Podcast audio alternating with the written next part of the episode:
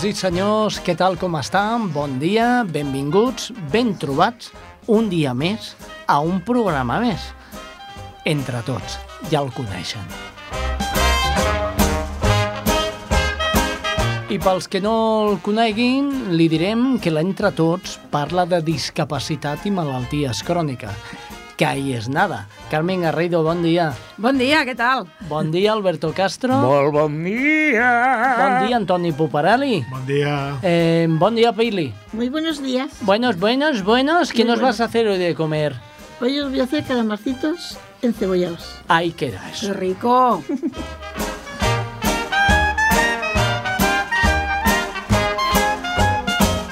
Bueno, doncs eh, comencem. Perdona, perdona, perdona, Digue'm, Xavi. digue'm, digue'm. Dues coses importantíssimes. Digue'm, digue'm. La primera és saludar el Jordi Puy, el tècnic. Ah, ostres. Abans que ma- sempre te n'oblides. No, però jo sempre el Sense saludo al ell no final. som res, eh? Sense Però- ell no som res. Però jo el saludo sempre al final, que no ho sabeu. No, però és al principi, perquè si no, no treballa a gust. I la segona, i molt més important, és que a la Pili ens han portat galetes. Ah, sí, eh? Home! Què dius, ara? Tenim aquí un tàper de galetes. Ui, Galetes, de león. galetes de león. Con calamarcitos encebollados. Ui, ui, ui, ui, ui, ui. Oh, tot ja barrejat? Ui, Tot, tot, tot, tot. Aquest programa pot engreixar. Ho després- Operació Bikini. Tots al lavabo per assentar-se i no aixecar-se fins una bona estona. Vinga, viva l'escatologia. Va, som-hi, som-hi amb el sumari. Ah, vinga, sumari.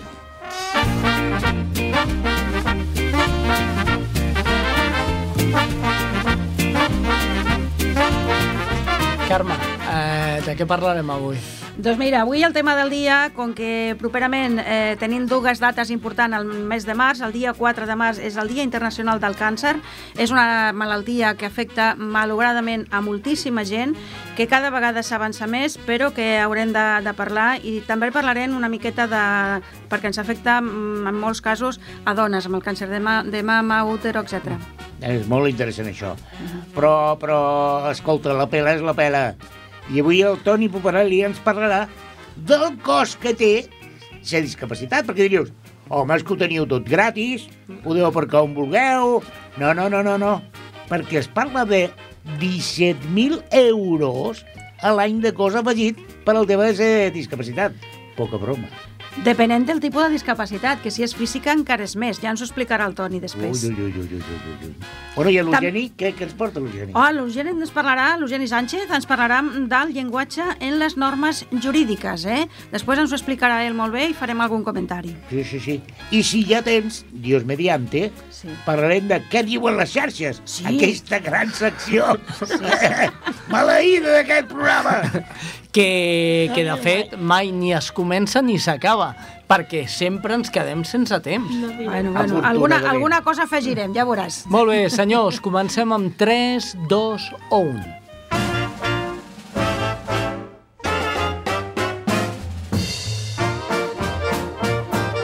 El proper 4 de febrer és el Dia Mundial del Càncer. I per parlar del càncer, i més concretament també del càncer de, bram, de mama, tenim a la responsable de, de Vall d'Hebron, Institut de Recerca, eh, la doctora Cristina Saura. Bon dia. Hola, bon dia. Eh, Cristina, com es prepara eh, aquest 4 de febrer? Doncs com cada any, amb il·lusió i amb els projectes per endavant. Ah, quins projectes teniu ara mateix en ment? Doncs bé, nosaltres a, a l'Hospital del Llebron i concretament a la unitat de mama eh, tenim eh, molts projectes, sobretot en el desenvolupament de nous fàrmacs. Com sabeu, el càncer de mama afecta a moltes dones a la nostra societat i, i hem avançat molt amb el diagnòstic precoç, fent les mamografies a les pacients a partir de 50 anys, però tot i així, eh, a les pacients en, en les que el tumor es diagnostica i en algunes d'elles, malauradament, aquest tumor es dissemina i passa a una situació no curable, la recerca és un punt eh, superimportant per millorar en el pronòstic d'aquestes dones. I aquesta és una de les nostres principals àrees de- d'interès i on invertim gran part dels nostres esforços. Eh, doctora, parli'm eh, del tractament, dels nous tractaments. Doncs bé, avui en dia amb càncer de mama en els últims anys s'han aprovat diferents tractaments que han canviat radicalment eh, el, el pronòstic i la qualitat de vida de les pacients.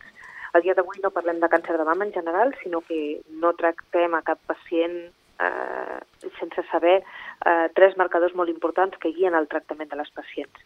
Avui en dia serien els receptors hormonals, que són dos, els estrògens i els, i els de progesterona i el HER2. Un cop tenim aquests tres marcadors, definim tres grans grups de pacients i dins de cada grup hi ha hagut diferents avenços que podríem comentar. Molt bé, el tumor més, sí, no? El tumor més freqüent, eh, que afecta més o menys el 75-80% de les pacients amb càncer de mama, són el que nosaltres diem tumors luminals, que són els que eh, tenen dones que expressen receptors d'estrogen o de progesterona. En aquest tipus de tumor, en els últims anys s'han aprovat uns medicaments que es diuen els inhibidors de ciclina i que eh, és un tractament oral que es combina amb el tractament hormonal. Realment això ha canviat eh, com tractem aquestes pacients, perquè abans pacients que tenien tumors disseminats, eh, quan es diagnosticaven havien d'anar a fer directament quimioteràpia en aquesta situació, mm. i a dia d'avui sabem que aquest tractament hormonal combinat amb, amb una pastilla d'inhibidors de ciclina, que n'hi ha tres al mercat, el vociclip, ribociclip i abemaciclip, Sí. però sabem que aquest tractament és tan o més eficaç i la qualitat de vida per les pacients no té res a veure. En primer lloc, perquè és un tractament oral, en segon lloc, perquè no produeixen alopècia, i en tercer lloc, perquè la tolerància al tractament és molt millor que la quimioteràpia. No? Per tant, diria que en aquest tipus de tumor aquest seria el gran avenç que hem tingut. En el segon subgrup de pacients, eh, que podríem parlar de tumors que expressen eh, el receptor de HER2 a la superfície, ja fa anys que vam començar a treballar amb anticossos associats a la quimioteràpia i ja feia anys que teníem aprovats tractaments com el trastuzumab i el pertuzumab o un medicament que es diu TDM1. Eh? Però en aquest any passat, a finals de l'any que vam tenir el Congrés eh, Mundial de Càncer de Mama, doncs es van comunicar els resultats de dos estudis molt interessants en els que nosaltres hem participat, és aquí a la Vall d'Hebron, on es comunicaven resultats de dos medicaments nous, un que es diu tocatinib i l'altre que es diu DS8201, que realment impactaven molt en el pronòstic i en el control de la malaltia d'aquestes pacients. No? Donem efectivitat a aquests, a aquests medicaments ja o no, Sí, doctora? la veritat, sí, s'ha comunicat, doncs, per exemple, aquest fàrmac que comentava, que és el DS8201, en pacients que havien rebut fins a sis línies de tractament prèviament, Mhm. és a dir, que havien anat fallant a sis tractaments previs, aquest tractament aconseguia controlar la malaltia eh, durant més de 16 mesos. O en el cas del tocatinib, que és l'altre medicament que va comunicar el seu resultat, era especialment interessant per pacients amb metàstasis cerebrals, on sabem que a vegades els tractaments estàndards no funcionen, i en aquesta situació sabem que el tocatinib afegit a la quimioteràpia estàndard, que en l'estudi era trastuzumab més capecitabina, aconseguia un control de la malaltia a nivell del sistema nerviós central molt important. No? Ah. Aquests medicaments a dia d'avui encara no estan aprovats i no es poden donar a les pacients fora d'un estudi clínic, però amb aquests resultats que es van comunicar el mes passat realment han sigut eh, una empenta molt important al desenvolupament d'aquests medicaments i, i bé, estic segura que, que en uns mesos rebran l'aprovació, no? I mentrestant hi ha estudis en els que les dones poden participar per intentar rebre aquests tractaments, no?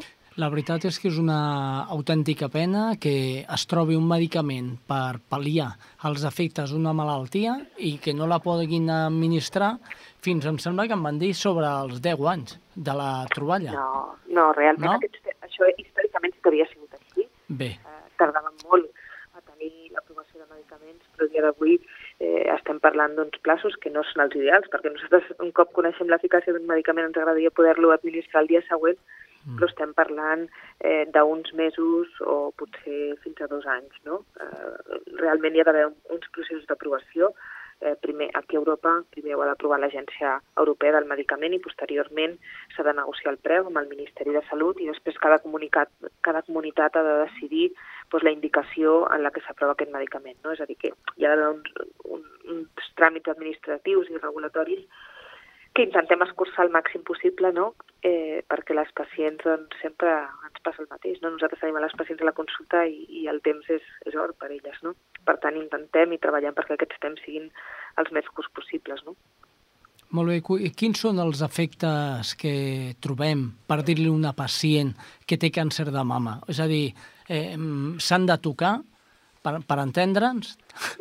T'has de tocar per captar un bulto o... M'entén o no, el que li vull Bé, dir? nosaltres, sí, nosaltres sempre... Eh, bé, sempre, el, el que és important és que les dones sàpiguen eh, que aquesta malaltia existeix i que eh, davant de qualsevol sospita han de consultar el seu ginecòleg. Uh, L'exploració mamària eh, sempre ha sigut un tema controvertit, no? Si es fa, s'ha de saber fer bé, s'ha de saber en quin moment del cicle menstrual es fa, perquè no sempre és igual de fàcil de detectar un bulto, però en qualsevol cas, la recomanació general per qualsevol dona és que si es nota qualsevol alteració a la mama, que no només pot ser un bulto, sinó pot ser que la mama estigui més dura, que estigui com inflamada o de color vermell, davant de qualsevol dubte consultin amb el seu ginecòleg. No té per què ser un càncer, però sempre és millor descartar aquesta patologia. I el que també és molt important és animar totes les dones a que s'adhereixin als programes de diagnòstic precoç amb les mamografies que es fan a partir dels 50 anys, no? Uh -huh. Perquè tot i tenir aquesta possibilitat, sabem que no el 100% de la població s'adhereix a aquests programes, no? Per tant, aprofitant aquest, eh, aquesta oportunitat de difusió, aprofitar per animar totes les dones a que es faci la mamografia quan són convidades a fer-ho, no? Molt bé, com estem en una taula en la que discutim, parlem, totes les malalties, les discapacitats, ho englobem tot. I un dels membres que, que està dintre de la taula és un locutor anomenat eh, Alberto Castro, i Alberto Castro em demana la paraula, doncs li presento Alberto Castro a la doctora Saura. Bon dia, doctora Saura. Bon dia. Jo, jo li volia eh, preguntar sobre una notícia que vaig escoltar fa unes setmanes, i és que eh, s'havia treballat amb el tema de la intel·ligència artificial per diagnosticar eh, eh, petits... Eh, El càncer de mama, Exacte. no? Lesions petites. Exacte. Com, com, com està aquest tema? És realment efectiu? S'està estudiant? És una hipòtesi vàlida de treball o és un, un bluff? No, no és un buf, és una hipòtesi molt vàlida de treball, no? Realment el tema de la intel·ligència artificial Mm -hmm. um, doncs és una realitat. A dia d'avui els metges treballem amb, amb les nostres eines, que són les nostres mans, però evidentment la tecnologia ens ha facilitat molt la feina i cada vegada treballem per poder diagnosticar uh, els tumors quan són més petits possible. No? Sabem que la nostra oportunitat de curar és eh, quan més petit és el tumor. No? Uh, malauradament això no sempre és així i, i no passa, però hem de treballar o, o on hauríem d'invertir la major part dels nostres esforços hauria de ser aquí. La intel·ligència artificial ve a intentar això, és a dir, a combinar diferents eh, eines, eh, la majoria eines per diagnòstic a través de la imatge, eh, i amb diferents algoritmes el que intenten és eh, diagnosticar els tumors quan abans millor, no? Uh, nosaltres estem treballant en diferents projectes, uh, hi ha beques europees que, que avaluen o que treballen amb intel·ligència artificial, doncs això, que combinen diferents tècniques d'imatges, amb bases de dades, i amb, al final el que s'intenta en aquests projectes és que les màquines aprenguin a diagnosticar millor i, i, i lesions més petites, no? Uh, a dia d'avui doncs, estem parlant que un TAC uh, ens detecta lesions uh, per sota del centímetre, però no molt per sota del centímetre, no? Necessitem que una lesió deixi 5 o 6 mil·límetres per poder-la veure bé. Um, I llavors estem intentant diagnosticar tumors encara més petits, no? I, i per això sentirem molt a parlar de intel·ligència artificial. Doctora Saura, li passo amb Carmen Garrido, que és un altre dels components de la taula.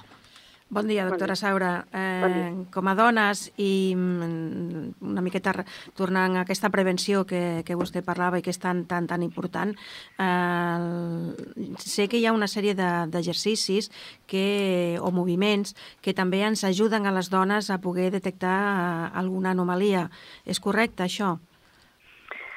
Desconec aquests exercicis, sí que l'exploració es pot fer a través de diferents mètodes, es pot fer una exploració que és radial o que pot ser més circular sobre la mama, però desconec aquests exercicis, no? Uh Com a norma general, el que hem de dir és això, davant de qualsevol alteració a la mama, consultar, adherir-se a les mamografies i ja com a consell, aprofitant el dia del càncer, com a consell general, eh, ens ajuda a prevenir el càncer de mama i qualsevol altre el portar una dieta sana i variada i fer exercici físic, no? Per tant, eh, doncs això seria una recomanació general per les dones i per tothom en general, no? A part, evidentment, de a, a l'evitar hàbits tòxics, com seria doncs, el fumar o, o, Clar. o consum excessiu d'alcohol, no? En general, la, les dones col·laborem en aquesta prevenció o ens fa por?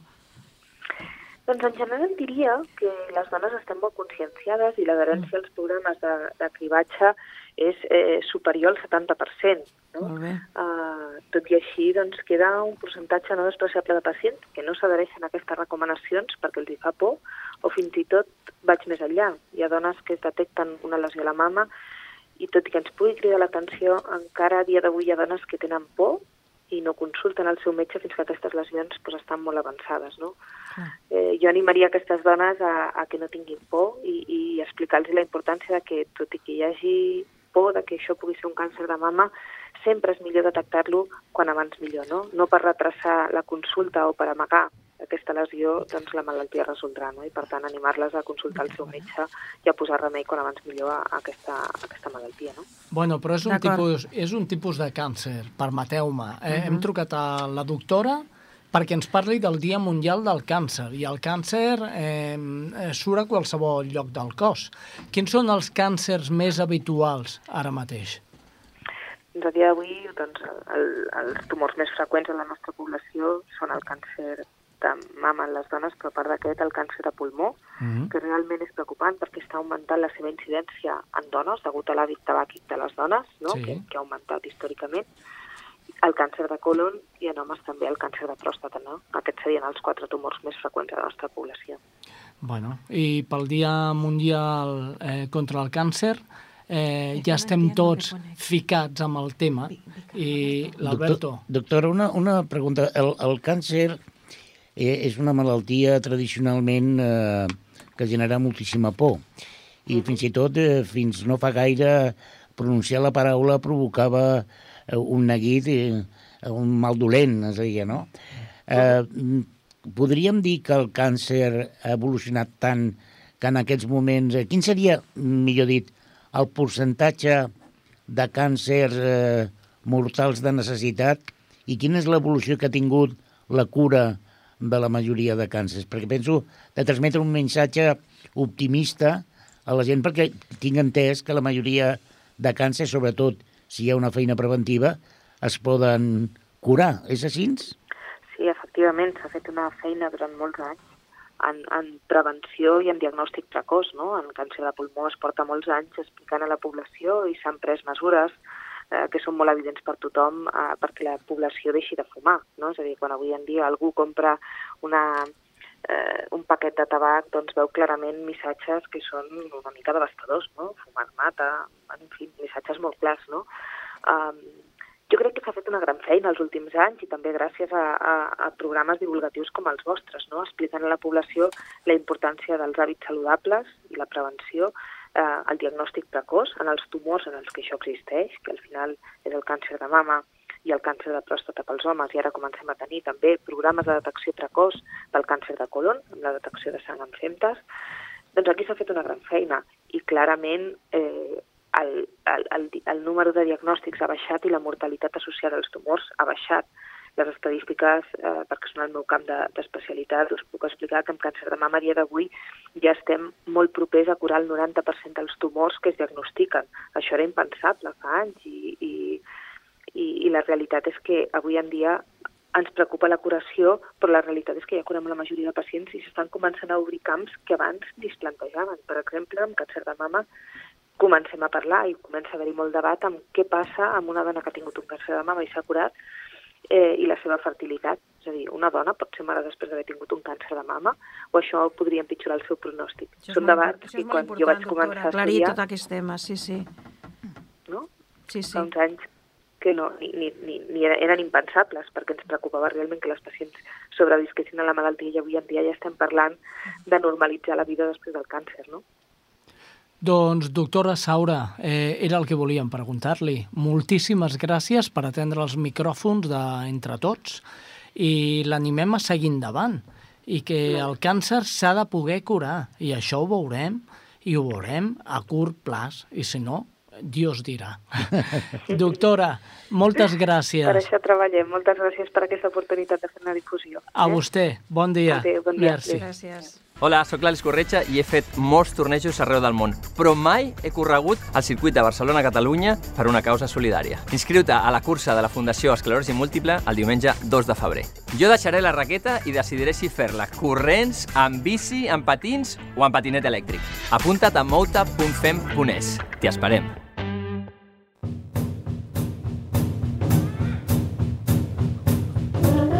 Doncs el que deies, Alberto, no és fàcil, no és fàcil parlar de tenir càncer? No és O fàcil. sigui, aquesta paraula és tan, tan, tan escarosa. Sí, és veritat. Hi ha molta gent que li, que li fa por fins i tot pronunciar-la. Sí. No, o els Nosaltres mitjans de tenim- comunicació, a vegades, eh, quan malauradament mor una persona, després d'una malaltia llarga o d'una sí. greu malaltia, però eviten encara mencionar la paraula càncer i hem de perdre-li la por a Sí. dir-li les coses pel seu nom, eh, perquè el càncer no, ja no, per sort, ja no és sinònim de mort, sinó que ma, per sort cada es como vegada... Si tuvieras miedo, o como si fuera culpa tuya tener cáncer. Y no, No, lo es. no, Pero la gente hay no. veces que se lo tiene como. Hombre, a ver, sí que es cierto que tenemos todos una responsabilidad, eh, lo que ens comentava la doctora, ¿no? De una alimentació sana, fer exercici, Sí, però no todo el mundo evitar, puede- evitar mm, eh, hàbits nocius, en, en lo possible. Mira, doncs tot nosotros això és responsabilitat de cadascú i és prevenció. Tenemos una amiga que tiene cáncer de, de pecho Sí. y enseguida que lo supo nos llamó a todos los amigos, uno por uno más o menos, y nos lo fue diciendo.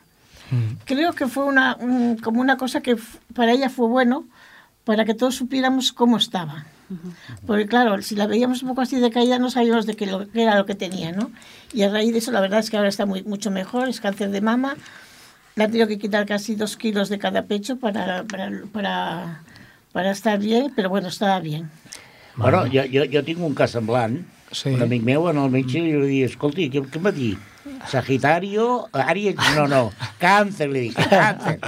Vull dir que també passa això, eh? Perquè, ves, Sí, sí, sí, Bueno, sí. escolta'm, em, el que sí tenim és el Toni Poparelli, que ens està mirant com dient, "Bra, bra, de què parleu? Si a mi el que m'interessa és una altra cosa. Bueno, aquí cada, cadascú amb el seu tema. I les peles sempre són importants. Les peles són, La sempre pela són la pela. pela. Toni, Depèn hola, què tal? Hola, bon dia. És, és important la pela, no? La pela sempre, vulguem o no, sempre està present a tots els guisos, que dic jo, perquè sense elles, jo sempre dic, igual que l'energia, amb energia pots fer gairebé tot, en diners pots fer bastantes coses, Toni, no tot. el cost de la, No el cost de la discapacitat també és monetària? Sí, clar, i tant, i tant que és monetària. Eh, jo estic donant profunditat a un estudi que ha presentat l'Ajuntament de Barcelona. L'any 2006 l'Ajuntament de Barcelona va fer ja un estudi pre previ, vull dir, no tan profund ni intens com ara, i ara l'ha actualitzat i ha recollit dades molt, molt importants. Inclús ha allargat l'estudi, incloent persones amb discapacitat física, psíquica, eh, i per franges d'edat, de 6 fins a 64 anys i de 65 en endavant, perquè també té que veure un impacte en les persones amb discapacitat i que també persones grans doncs, es tornen discapacitades per simple bellesa, no? per, mm. per l'efecte d'envelliment.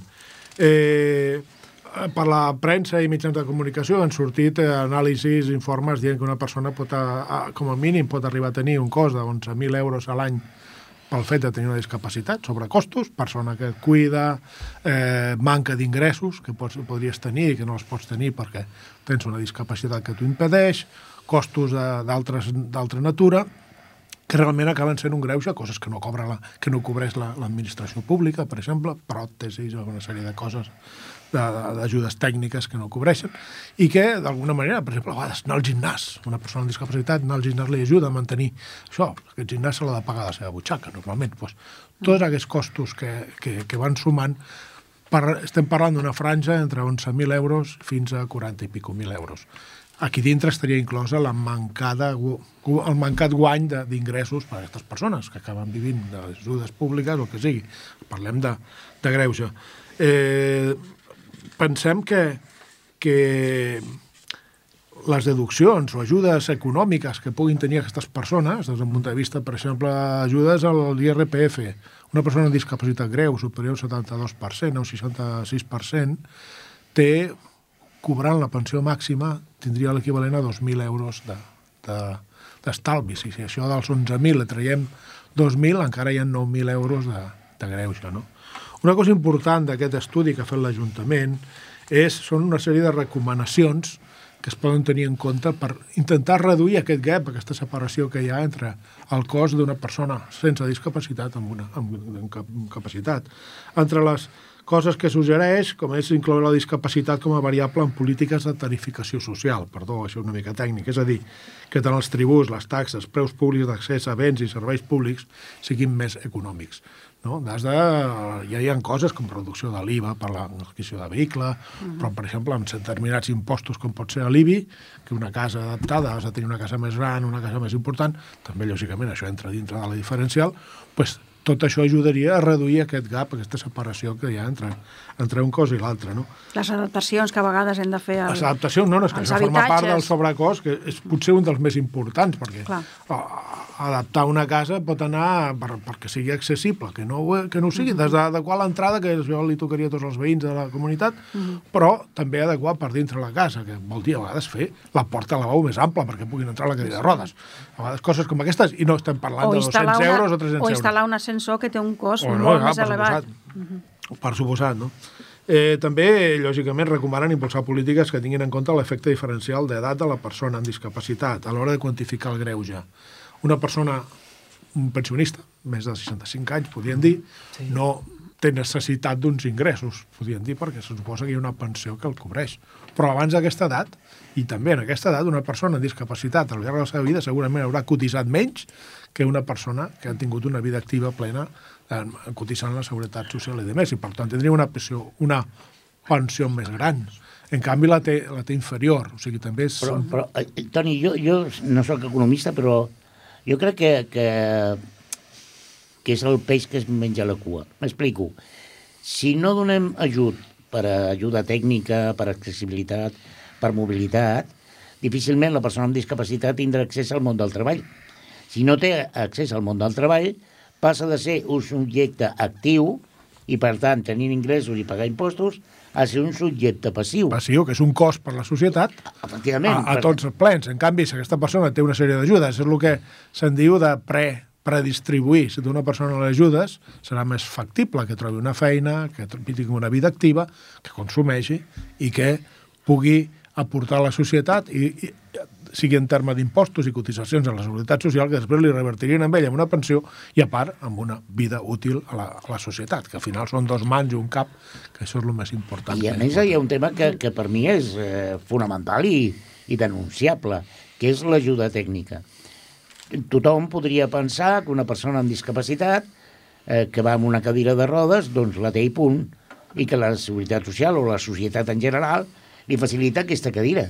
Però és que no és veritat.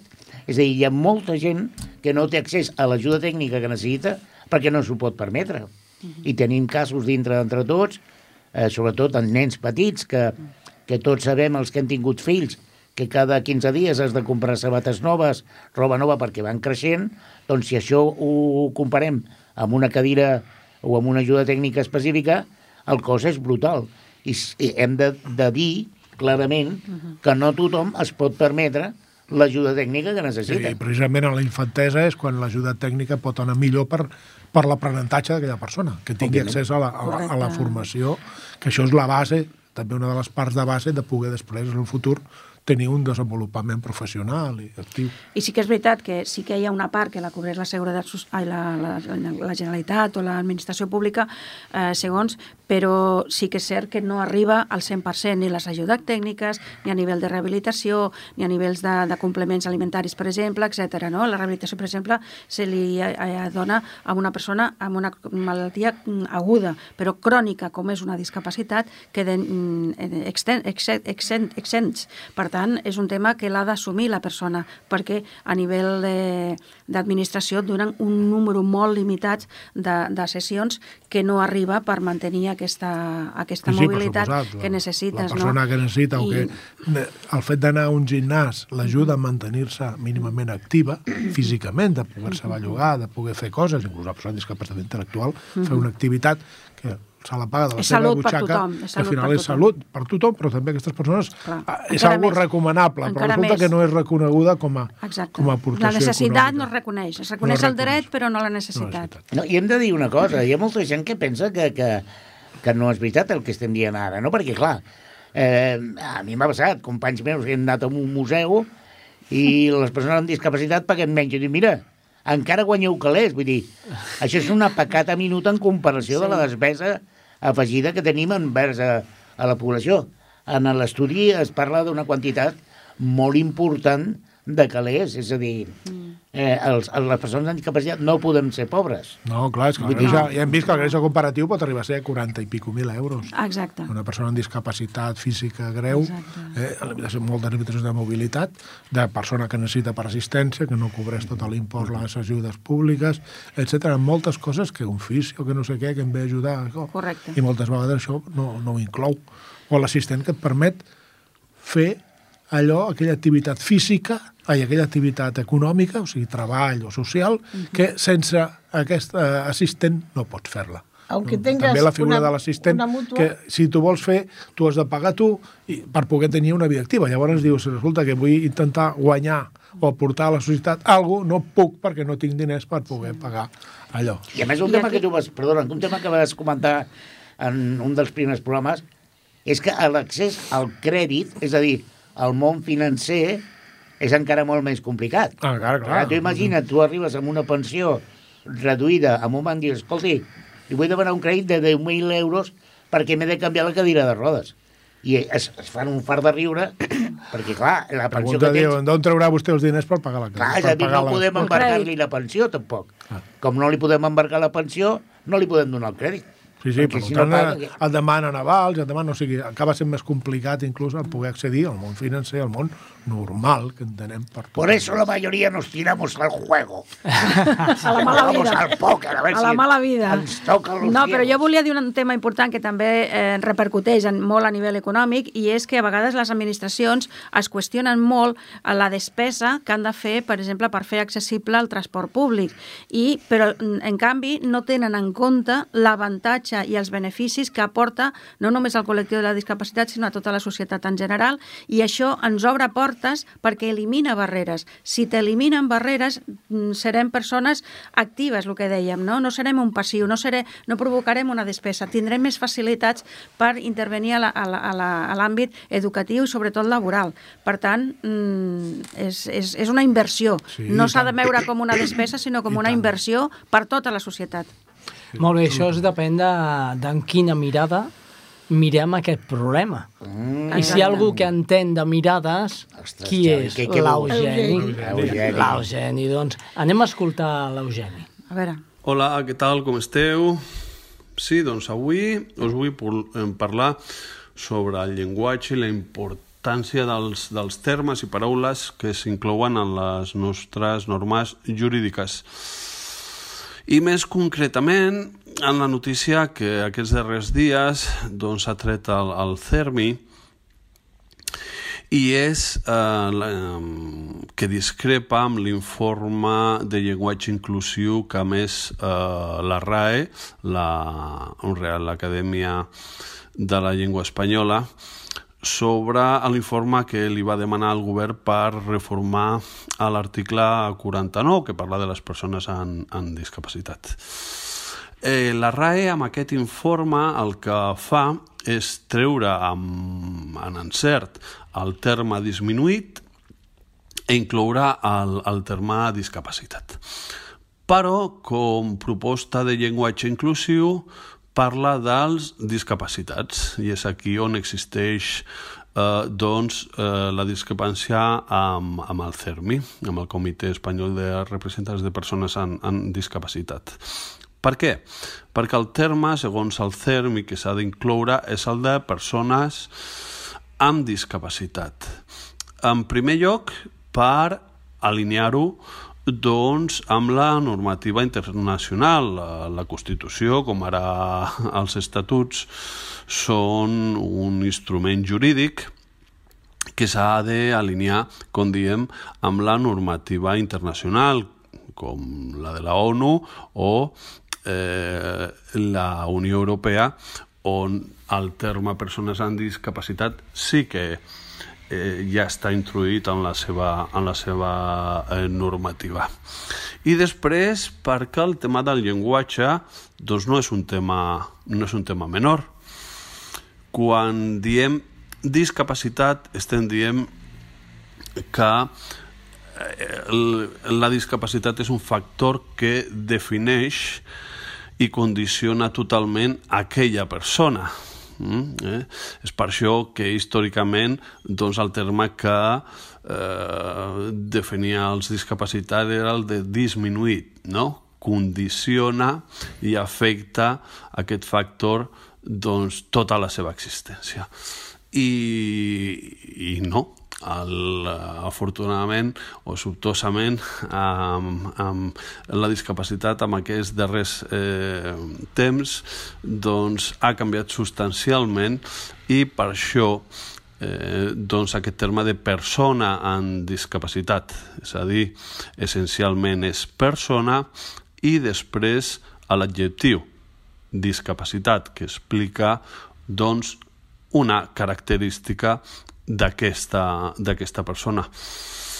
Per tant, us volia portar aquesta notícia perquè mm, la importància del llenguatge, no? I, i, i que, que té una importància, si voleu, doncs, filosòfica, eh, política i fins i tot simbòlica, a banda de construir, òbviament, doncs, percepció i consciència social. Doncs fins aquí la notícia que us, vull portar, que us volia portar i fins la propera, amics.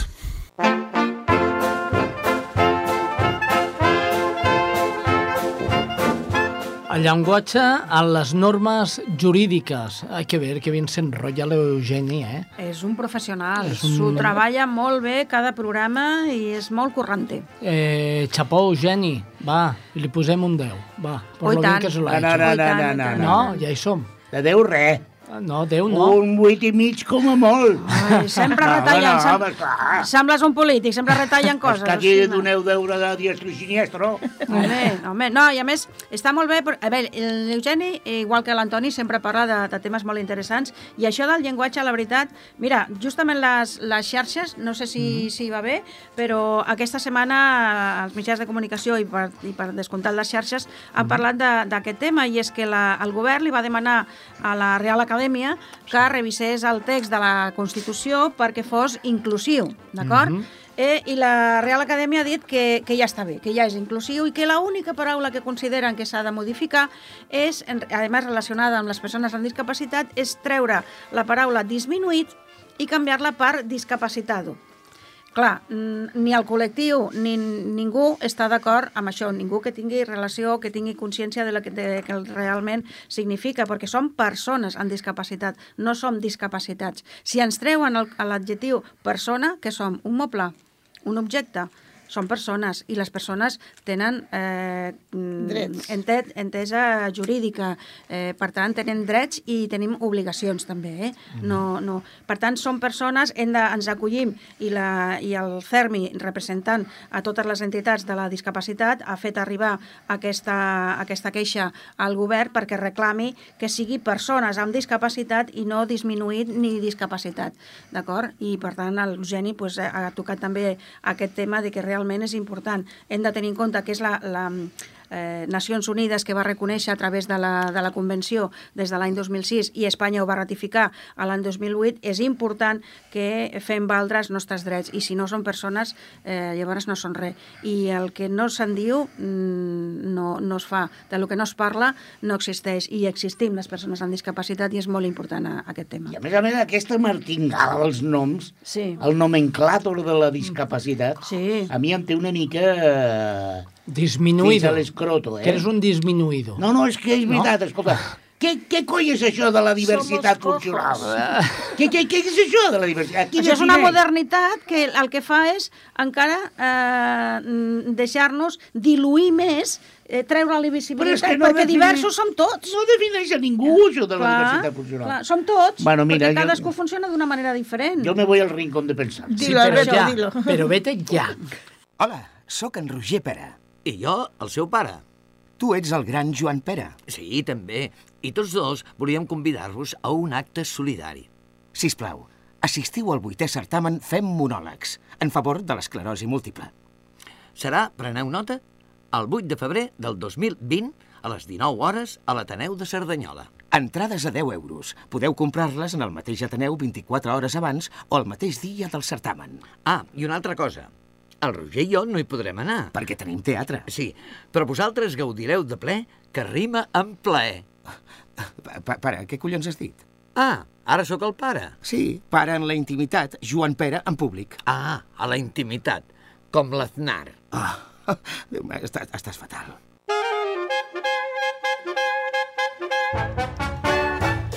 Pili, Hola. hola. Oye, ¿vas a venir a los monólogos tú? Claro. ¿O no? ¿Sí? ¿Qué monólogo? No podrías hacer el monólogo si yo no voy. Los monólogos. Los monólogos. ¿eh? Vale. ¿Qué monólogos? El día 8 de febrero. Ya. A las 7 de la tarde. Al día siguiente es el cumpleaños mi madre. Efectivamente. Mira, pues que está. venga tu madre Claro, también. y le hacemos un cumpleaños Claro. feliz. Pues Y sí, nos reímos. 88 años sería muy bueno, ¿eh? Sí, pues. Bueno, con Pili a lo que vamos Es, es, a hacer comer. calamarcitos. Es a comer. A Mira, comer. Vamos a hacer unos calamarcitos encellados con cúrcuma natural. Hostia. Porque la cúrcuma tiene muchísimas propiedades muy buenas. ¿Qué es la cúrcuma? Yo no, La lo cúrcuma es, foto, eh. es... ¿Qué quieres que te diga? ¿No sabes lo que es la cúrcuma? Es... A ver, ¿cómo explicártelo? ¿Cómo es la cúrcuma? ¿Qué es, Es la una cúrcuma? especie aromática, Una especie una especie aromática árabe. árabe. árabe. Entonces se, se, se utiliza mucho en, en el cus- en el ¿cómo se llama? El- ¿Cuscús? No. No, cuscús no. en el Tajín. curry, En el el curry, Ah, curry, ah, el el curry, el curry. El Ah, curry no es árabe, el curry es india, ¿eh? Ah, Bueno, pero pues, eh, ¿dónde está esto? Lo hacen también en Arabia. Alberto, no sea quejillo. Es No compliquéis, no es compliquéis. Igual, vamos a hacer- que aquí ¿para qué, galeta. ¿para qué Vamos a sirve? ver. ¿Para qué sirve la cúrcuma? ¿Qué nos La ayuda? cúrcuma tiene muchos, muchas, es un excelente tónico biliar. Eh, tiene mm, virtudes antioxidantes, digestivas, carminativas, hepatoprotectoras, desintoxicantes a nivel hepático, ya lo he dicho más o menos, cardioprotectoras y en últimas fuentes se señala también como un antitumoral. Bueno, ja està, tu. Mira, Abans la doctora parlava Ja del càncer de mama. Sí. Vinga, la cúrcuma. ya tienen, ya tienen entès que es antiinflamatorio, ¿no? También, también ya lo he dicho, Ah, ¿eh? vale, ha vale. sido lo primero que he dicho, antiinflamatorio es lo primero que he dicho. Bien, Para paliar los efectos del cáncer de mama, las galetas de la pila. Oh, però, escolta, escolta, a mi això de la cúrcuma em sembla molt interessant. Bueno, Però vamos. els calamarsets, jo que li dono. Venga, venga, va, venga, yo os voy a decir los ingredientes. A ver, venga, va. va. Bueno, unos calamarcitos, yo normalmente los uso- utilizo que no sean muy grandes. Entonces, si no, te, no los encuentro muy grandes, compro, los compro un poquito más grandes y luego los corto. Ah, vale. Cuatro calamar. cebollas grandes o una cebolla y Cuatro, tres- Pili, cuatro cebollas. Sí, sí, quatre, Mengeu quatre. molt, eh? Sí, sí. Molta gent, molta colla, colla, colla. quatre, cuatro quatre. cebollas, sí, para sí. hacerlos en cebollas, Cuatro cuatro cebollas o cebollas. una cebolla y tres cebolletas. Muy bien. I tres cebolletes, quatre i tres, va. Tres. Una y tres. Cuatro cebollas o una cebolla y tres cebolletas. Ah, espera, que tacho, coi. Albert, Eh, perdona. deixa acabar la pili. Sal, pimienta, cúrcuma fresca, laurel, un vaso de vino blanco. Y luego yo siempre le pongo unos poquitos de frutos secos triturados. Ay, que pujan las calorías, Pili, Pili. Vamos ver, estamos en invierno. Sí, Claro, sí, sí, sí, eso es eso Vale. Vale, Primero se lavan profundamente los, los calamares. Yo es que es una cosa que me gusta dejarlos blanquitos, casi sin nada. Muy bien. Eh, se escurren y se dejan aparte. Y se quita la bolsa de... Sí, bueno, todo. De la todo. tinta, todo bien limpito. de la todo tinta, bien todo- Net i todo polit, limpio. Xavi, net i polit. En una olla se ponen las cebollas y se dejan el rato que haga falta, hasta que estén tan transparentes que ni se vean. Ah, ¿Vale? ¿Ves? Vale, ¿Por qué quiero yo vale. la la cebolla? cuina de l'àvia, eh? Aquí, Vale, a poc a no, a mí- lent. Tengo claro que a mí la cebolla me gusta muy, muy, muy pasada. Si no, no me la como. vaya. Eh, cuando ya está así bastante, bastante, le echo un poquito de, de, de cúrcuma. Eh, La, la cúrcuma así rayadita. Deja todo amarillo, pero, que, pero huele. De verdad, tiene un olor maravilloso. Y entonces ya le echo un vasito de vino. Muy bien. Vino blanco, dit. Vino no? blanco, Sí, sí, sí. Una hojita de laurel y lo dejo un ratito que se haga así. Al esté- xup-xup, al chup-chup. ai. Luego le pongo ya las, la- los calamarcitos. Es, es rápido, o sea, se pone, los, se, tapa la- se pone la tapa, se le pone un poquito de sal y un poquito de pimienta también, Claro, lógicamente, y ya está. Te dejas hasta que tú veas que están que, blanditos, que los puedas pinchar con un palillo, y por encima luego les pones un poquito de, o de mm, pimienta, o de piñones, o de mm, almendras, eh, El fruit avellanas, sec. lo que sea, El fruit muy, sec. muy pasaditos y, ya, Talladet, se- pues, talladet. Sí, y ya está. Y ya está, está riquísimo, no tires mucha Molt bé. faena y está bueno. I a Farem els calamarsets. I a Catalunya el pinyó és important, també. També. Eh? Oh, i tant, Ah, la picada. És molt important, La la, picadeta picada. pels Sí. calamarsets. Y las sí, almendras sí, sí. también, y las Sí, sí, avellanas sí. no digamos. Escolteu-me, nois, eh, avui és un dia molt especial. Per què? I us diré per què. Per què? Perquè hem arribat a un punt del programa en què podem repassar El que diuen les xarxes? el que diu a la xarxa. No me lo puedo creer. I després de tant temps, jo em sembla que podem repassar què diu a les xarxes.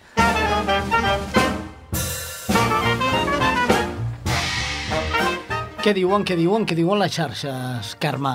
Què diuen, Bueno. què diuen, què diuen, què diuen, què Doncs diuen? mira, va, va, va, va. escolta, és que escolta. Fa molt temps que no fem això, eh? És que, no, jo sempre miro de fotre alguna cunya, Sí, eh, no ho sé, cada, no. en cada programa. Però, què diuen? Què diuen, Aquesta Carme? setmana ja hem parlat abans que comentaven el tema de la RAI, el tema de la definició de persones amb discapacitat a la, La a la RAE, Constitució. maleïda RAE. Ai, sempre Una ens complica la de- de- vida. de iaio. I després, RAE, nois, nois, nois, que avui, eh, aquestes, eh, aquests dies també parla d'un tema molt controvertit i ens afecta sobretot als que anem en cadires de rodes, és que eh, el CERMI, que sabeu que és el comitè que, que defensa els drets de les persones amb discapacitat a nivell estatal, eh, ha demanat al, al Parlament Europeu eh, modificar la normativa a través dels eh, eurodiputats espanyols al, a Brussel·les eh, del transport aeri. Home! Perquè, home, clar, clar, aquí en manteneu tots, oi? Tots els Oh, que hem, hem mínimament hem viatjat una mica, doncs eh, és la problemàtica de que no hi ha una normativa exa eh,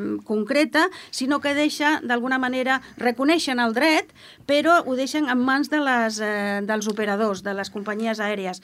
I tot t'hi pots trobar, i alguns ens hem trobat, que a peu d'avió et diuen que no pots pujar perquè eh, interfereixes la seguretat de la resta de passatgers. I segons el criteri del professional que hi ha allà, de l'operari de la companyia. Bueno, professional, No- professional. Bueno, exacte. Que generós aquests. Vale? O bé, t'accepten i al final entres i et porten al teu segent amb aquella cadireta petita, petita, els que heu agafat a l'avió i aneu en cadires ja, ja sabeu a què em refereixo, i la teva la facturen. Amb el consegüent mm, perill o No, no, interrogant no, no, no, de no, que no, interrogant quan res. arribis a destí te tornaran la A cadira... la seguretat de que te la tornaran trencada. Moltes vegades. No, no, això no hi ha cap mena de vegades, dubte. Moltes vegades, sí, sí.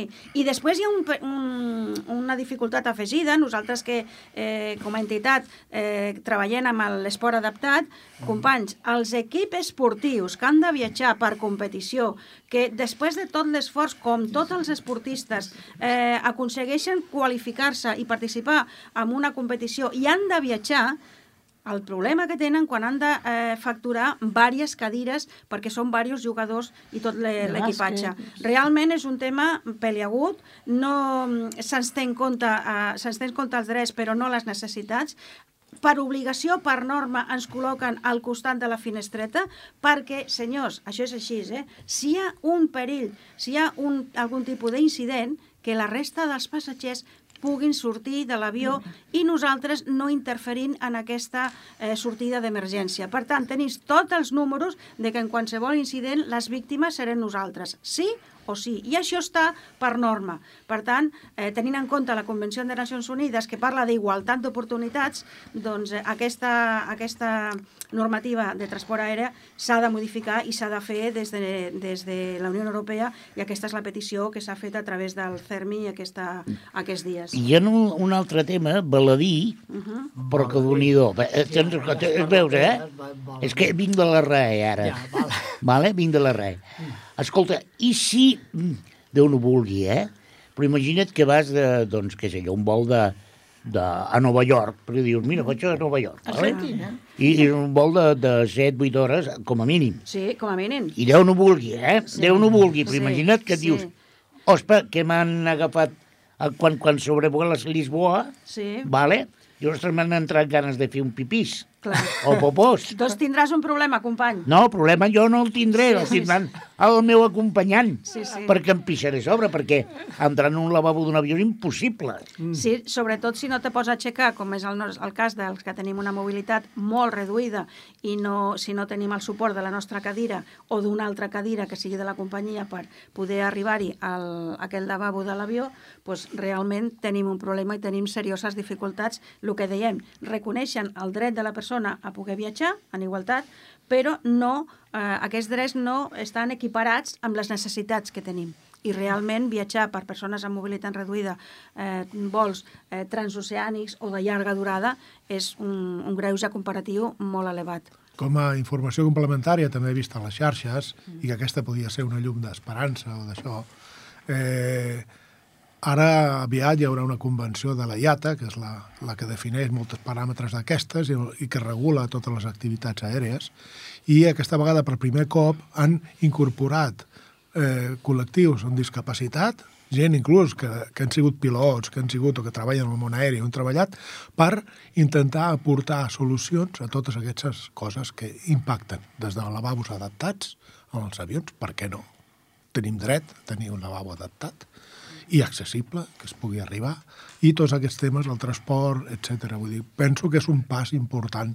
D'acord que està bé que siguin les, les autoritats, Comunitat Europea i demés, que marquin el que ha de ser, però també que les, les entitats civils, com pot ser la IATA, que és una entitat civil, que, que, que regulen, s'autoregulen entre ells els temes, que, que vagin agafant i d'alguna manera mostren interès. També Airbus, eh, també Boeing, també estan interessats també en aportar solucions a aquest temes, perquè també veuen que és un potencial. Allargant la vida de les persones és més fàcil que tinguin això. Bé, Penso que és jo, jo, jo t'explico breument el, el meu, la meva història.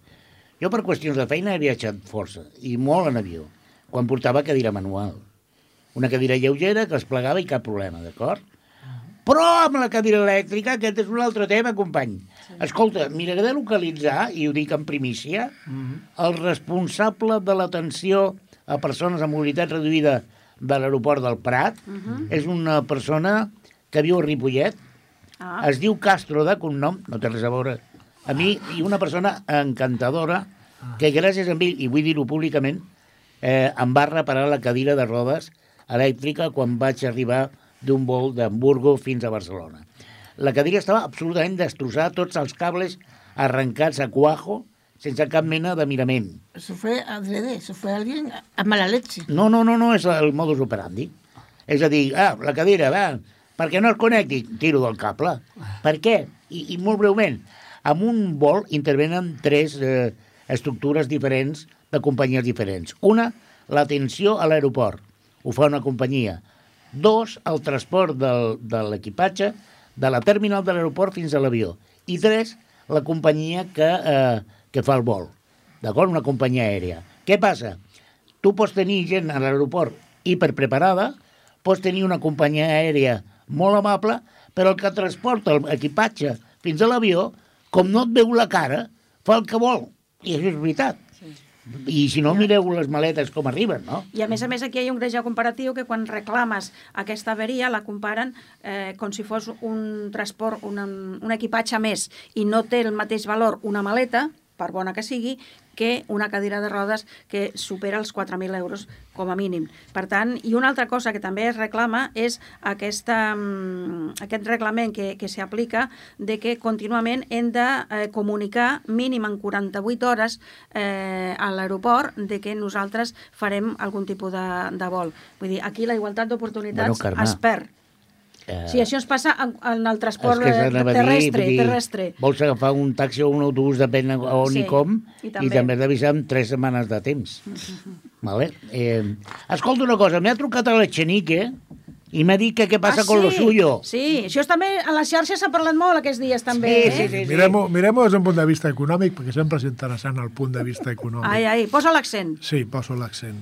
Eh, hi han hagut queixes a les xarxes que diu és que adaptar el, el, el Congrés dels Diputats, la sala, perquè el senyor Cherique o la persona amb discapacitat pugui accedir costa 123.000 euros.